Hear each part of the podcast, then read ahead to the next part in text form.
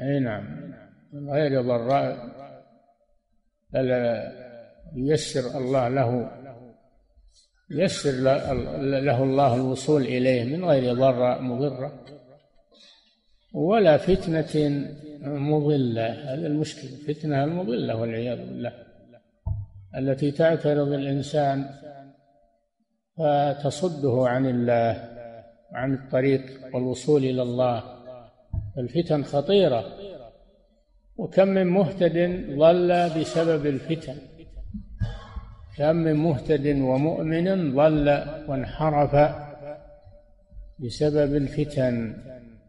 إلا من سلمه الله سبحانه وتعالى فالفتن خطيرة.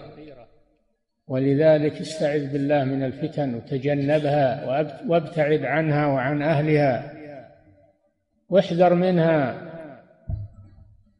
وهي تستهوي الناس تستهويهم وتجرهم إليها أبتعد عنها.